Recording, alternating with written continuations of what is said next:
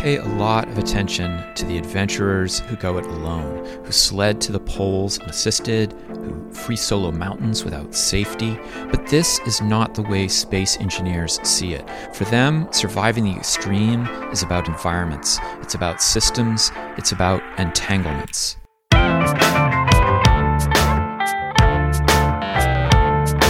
It's time to eat the dogs. I'm Michael Robinson. Today, Valerie Olson talks about the efforts to live and work in space.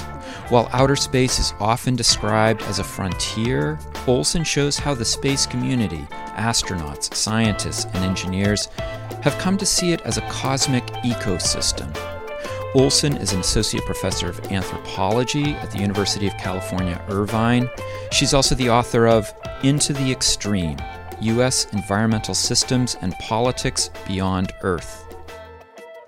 Valerie Olson, thank you so much for talking with me. Thank you, Michael. It's great to be here.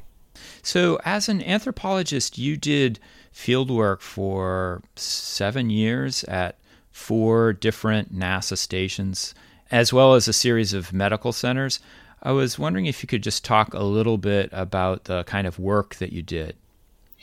Sure. So, for those in your audience who aren't familiar with anthropological field work, we we go out and do field work among our subjects, among people living their everyday lives, doing what they do.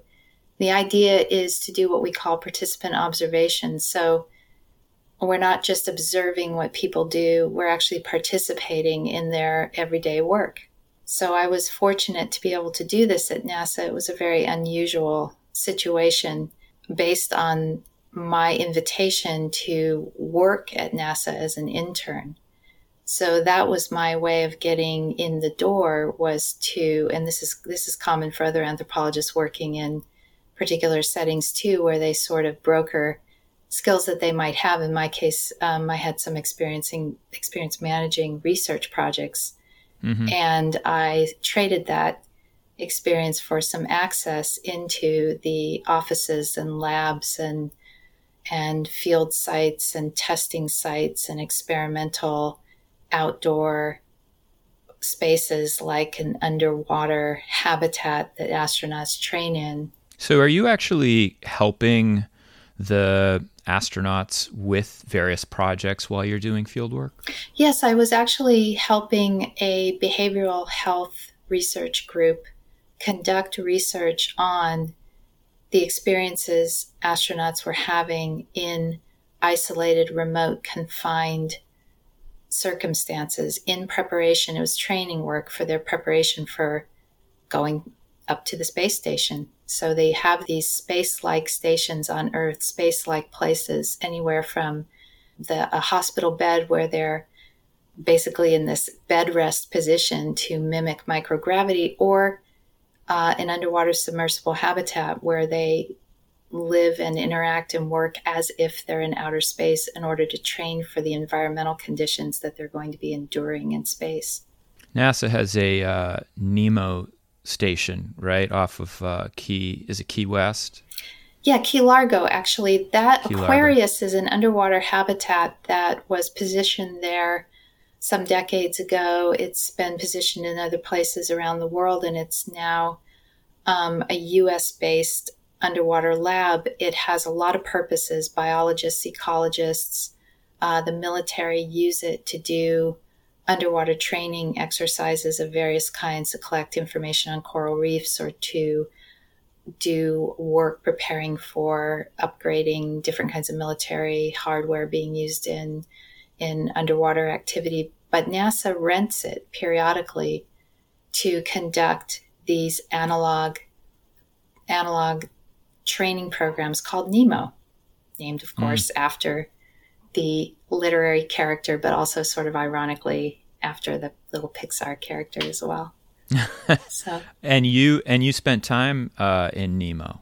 Yeah, I was working as an intern there as a research assistant, and that was part of my participant observation work. So I was very um, privileged and lucky to be able to work in an everyday spaceflight setting, even though it wasn't in outer space. And this is a kind of ironic thing. Usually, anthropologists are going to the places that they end up writing about. But yeah. The interesting thing is, of course, I never went to outer space, but I spent time in all the places and spaces on Earth with all the hundreds of people working in in various domains to make spaceflight possible, and NEEMO was one of them. The NEEMO program was one of them. You know, uh, I I sometimes I was actually talking to Pete uh, Capelotti uh, a couple of weeks ago about these kind of reenactment expeditions, Kon-Tiki, for example, uh, mm-hmm. where somebody's trying to show that some ancient expedition is possible, and I'm kind of what's the word skeptical of mm. some of these things but I I remember taking a essentially an experiential cruise on one of the large ships about seven or eight years ago, and it it really did affect the way I thought about people on 19th century expeditions, just because it was so mm-hmm. hard to get used to aspects of it. Mm-hmm. I was wondering if what what NEEMO was like. Did you? I mean, it's such mm-hmm. a different environment. Well, yeah. So I worked topside, meaning I worked back at the control center where the NEEMO missions are managed, and I I got certified as a diver so I could dive down and visit the crew in the habitat.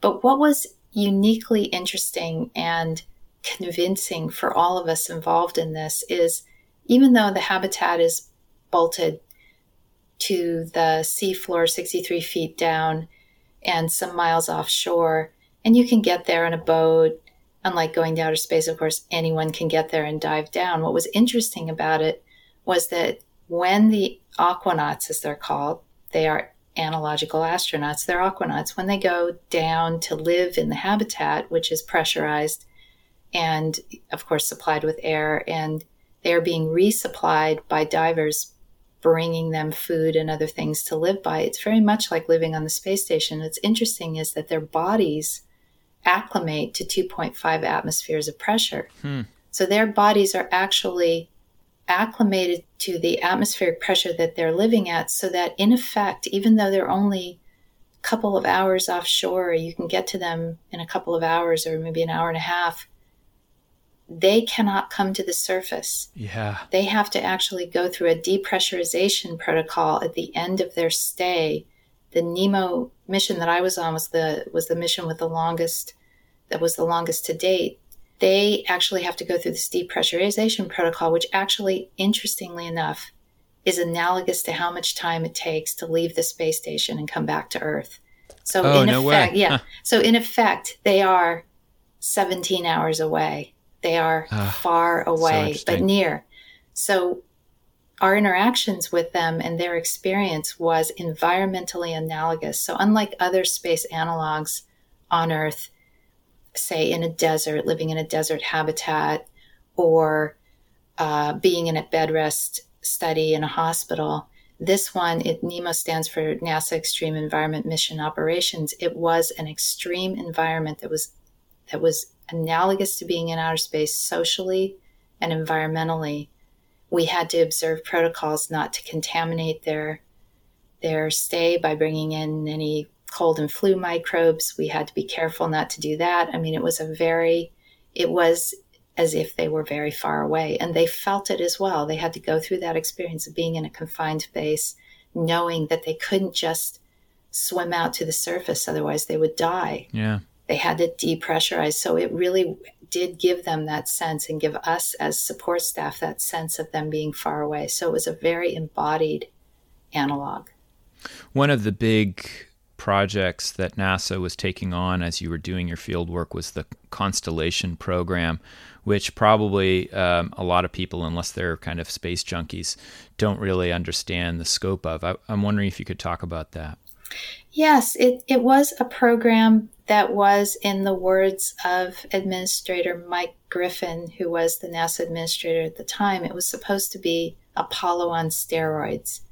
The idea was to replicate the Apollo program to go to the moon, Mars, and beyond. That was the slogan of the Constellation program.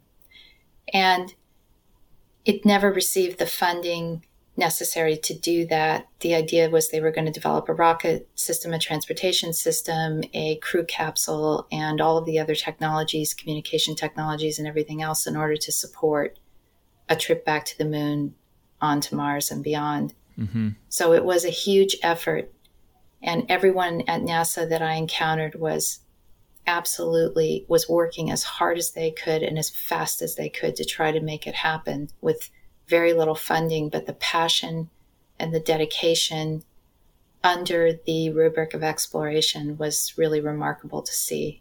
And the massive amounts of coordination among very, very disparate practices in order to create this exploration vision, as they called it, was amazing to watch physicians, psychologists, food technicians, uh, propulsion engineers, computer technicians, IT people working together to try to coordinate and recreate this the complex system that allowed Apollo to happen was really a remarkable thing.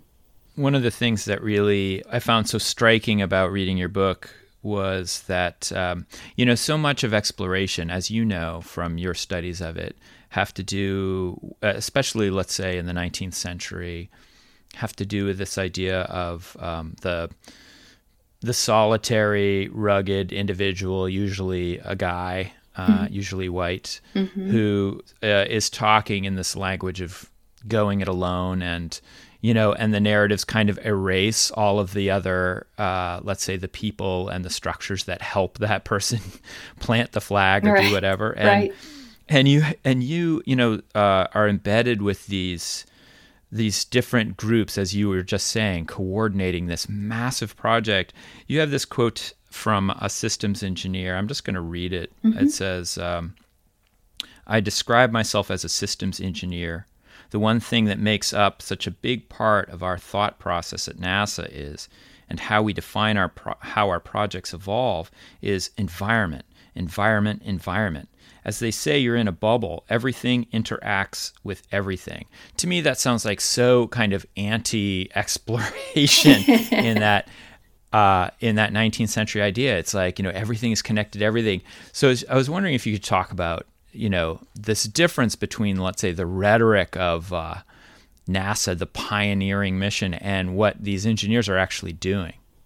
That's such a great question and it actually ended up that question that you're posing of me ended up being the question I was asking throughout my project because I went into this project looking for looking to understand the ways that astronautics that space flight was was reinventing or sort of altering the understanding of sort of the social production of nature and technology as as interconnected things. So in other words, I was try I was really spending a lot of time trying to understand how people were designing new technologies to understand nature, the natural world, and of course that's off world as well, um, in a more complete way, and to extend the consciousness, national consciousness of what counts as nature outward. But that quote from the engineer that you read was a very, very pivotal moment for me in which I began to realize, as, as anthropologists do, when we look at our data and begin to sort of recalibrate our questions, that I had been going in with this attitude about the fact that technology and nature were going to be concepts that I encountered all over the place at NASA. Mm-hmm. And in fact, technology was sort of a word, but I never ever heard the word nature uttered by anyone. The word that everyone used to describe the spaces both near and far and within our bodies and out to the edges of the universe was environment. Their concept of space wasn't really space. There wasn't really an outer space. Outer space was, to all the people working to put human beings in it, another kind of environment that required new kinds of technologies and ways of thinking and acting to support the human body, which had evolved in a particular set of environmental conditions to, to, to basically survive something completely outside of its environmental conditional evolution. And so environment was this for it was this term obviously meaning surroundings, the way that people in astronautics think about spaces and nature and everything else is to classify it all as an environment. And it was a really eye opening moment because in that kind of language, the way that they understand their work is that their work is to develop environmental, scientific, medical, and technical processes and, and things that allow them to move the human body through different environmental domains and to survive them, whether it's on another planet, whether it's in between planets in outer space, around low Earth orbit. So, what I began to listen to was that and began to ask was exactly that question you asked me. I asked one of my subjects, the wonderful human research program manager, John Charles, I asked him a question very much like the one you posed to me. Astronauts are individuals. There's a lot of valorization of the individual. I kind of gave him the same description you did. I said, "Do you agree with this? Do you do you agree that spaceflight is the story of the rugged individual conquering nature and and he looked at me and he said, No, actually, not at all. It's actually the most profoundly social huh. and interconnected and interdependent practice that I know of. No one, he said, no one gets to the moon by themselves. You know, I wonder if, um, you know, back in the in the '60s, I think probably at the beginning of the Mercury mission, there was a lot of talk about astronauts as being part of this system, this integrated system, mm-hmm. that somehow to um, to explore the heavens, we would need to tweak the human. Mm-hmm. Um, and make. Uh, in fact, I have this great quote from one of my Mercury books. I just wrote it down. This uh, this is from uh, Colonel Bernard Flaherty, who is who was working on the medical stuff in Mercury, and he said, "Man is an integral part of the total machine." And I was thinking, like, wow, that is so not the way NASA talks about astronauts today. Um, and you talk about uh, the cyborg as this kind of early vision of uh, how do you how do you um, put the astronaut within the system? Could you could you talk about that? Yeah, you know, when people think of cyborgs, we think of Terminator. We think of these half robot, half human organism beings that are sort of, you know, half made out of metal, and they've got bionic eyes, and they've got you know a human arm on one side and a robot arm on the other, and so the cyborg has come to symbolize the merger of the human body and technology. But the original cyborg, the original NASA cyborg, was a study, and it was. And then the study itself, the picture that you see, if you go look at drag, dig up that study and look at the picture, it's going to disappoint you because the original cyborg is a is a is a poor little white lab mouse trailing a hypodermic looking instrument that's been a- attached to it. And what that cyborg was, was an organism being adapted to survive in an outer space environment. So the idea was that the cybernetic organism, that's what the cyborg stands for, stands for, would be an augmented organism with whatever it took, whether it was drugs or or augmented technologies aimed at not just at becoming a hybrid of a machine and a human, but something that could survive a different environment. Uh-huh. So it was driven by this by this very important dual concept that I explore through the whole book, which is the relationship between the system concept and the environment concept. Human spaceflight is probably the most extreme and intensive version of systems engineering, systems thinking and environmental condition planning and and this creation of this idea of a system which the cyborg was an organismic system that would be adapted to a different environment. So the system environment dyad and thinking of the human as a system and the machine as a system and systems of systems the system is the concept that everything is reduced to from a handheld device that an astronaut might have to her body itself to the bot to the to the spacecraft itself everything is a system and that is anthropologists are concerned with language i was concerned with the language of systems thinking and the conceptual frameworks of systems thinking which allowed people from incredibly different disciplines from biological disciplines and medicine, the study of organisms, to talk with people whose concerns were propulsion systems and mechanical systems. So NASA is is kind of an example of an elite institution that's managed to take the systems thinking and systems concept to its most extreme yeah. form. I, I one of the uh, interesting things on that point of uh, this kind of relationship or dyad between the environment uh, and the system is, uh, or I should say, the extreme environment mm-hmm. and the system is uh, the International Space Station, mm-hmm. which plays a big role in your book. Mm-hmm. I, I I think because I'm interested in this kind of extreme environment question uh, down here on Earth, mm-hmm. that uh, in places like Antarctica or the polar regions, I I've got this question in my head, which is like you know, at one level, the uh, International Space Station is it's a domestic space. It's it's a home. Mm-hmm. You know, mm-hmm. it's a home away from home for the astronauts who live there, sometimes for up to a year. Yes. And at the same time, it is an extreme environment. Yes. Um, it just seems like such an interesting paradox. I was wondering if you had any thoughts about that. Yeah, you know, um, the the space station is an interesting object. It's a very unique object. It is a home. It is a national laboratory.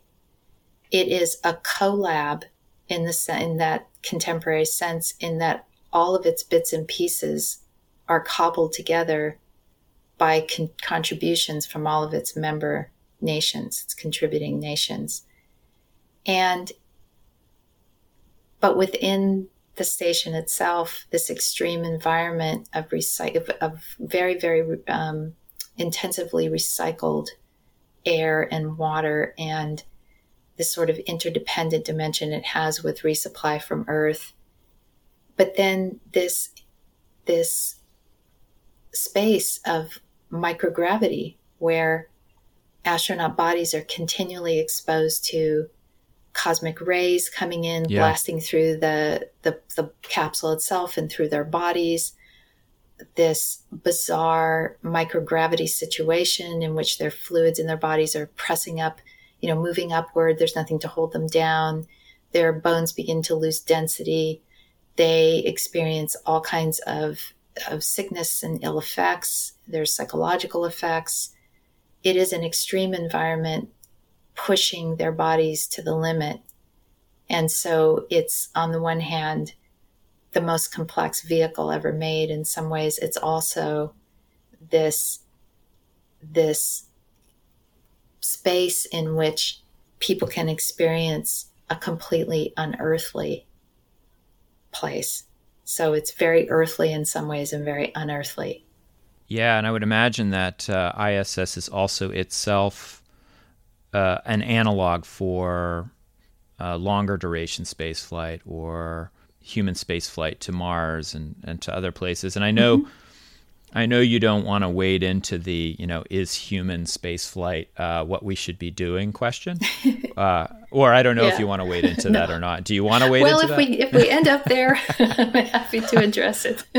um, but but my uh, I guess my question is, when I think about all the things you just said, that this environment, even the domestic environment, the one that's in Earth orbit and protected by the Van Allen belt, uh, is still subject to pretty high doses of radiation, and mm-hmm. astronauts are losing bone density.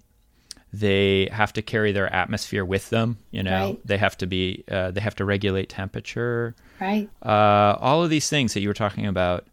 It makes me wonder: is systems thinking? I guess. I guess the question is this: Have we integrated the humans into a system that they can't fit? Mm-hmm. Uh, when we think about that environment, that um, outer space environment, you know, carried beyond low Earth orbit to Mars and other places.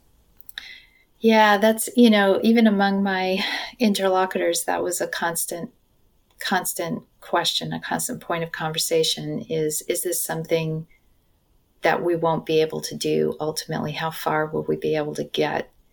Hmm. And one of the, one of the things that I was impressed, there were a couple of ways that they impressed upon me their interest in doing this, which was not just confined to the question of can we put human bodies elsewhere.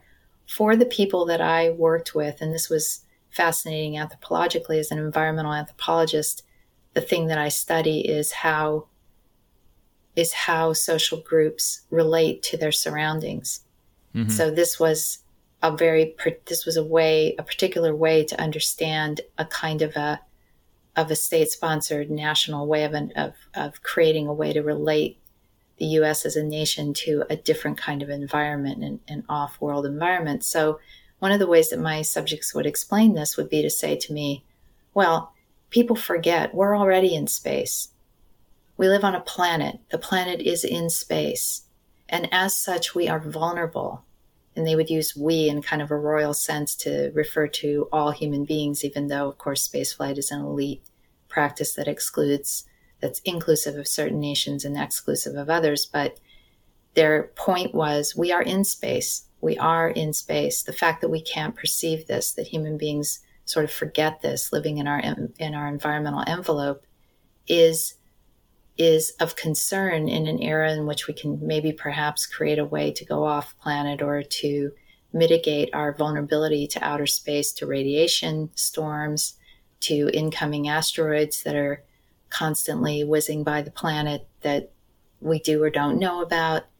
You know, their their impetus to do this work was not just to put humans elsewhere, but to also to recognize a better way of living on a planet by engaging the fact that we live in outer space. So I don't know if you follow that logic, but their their scope of imagination was solar systemically scaled. Huh.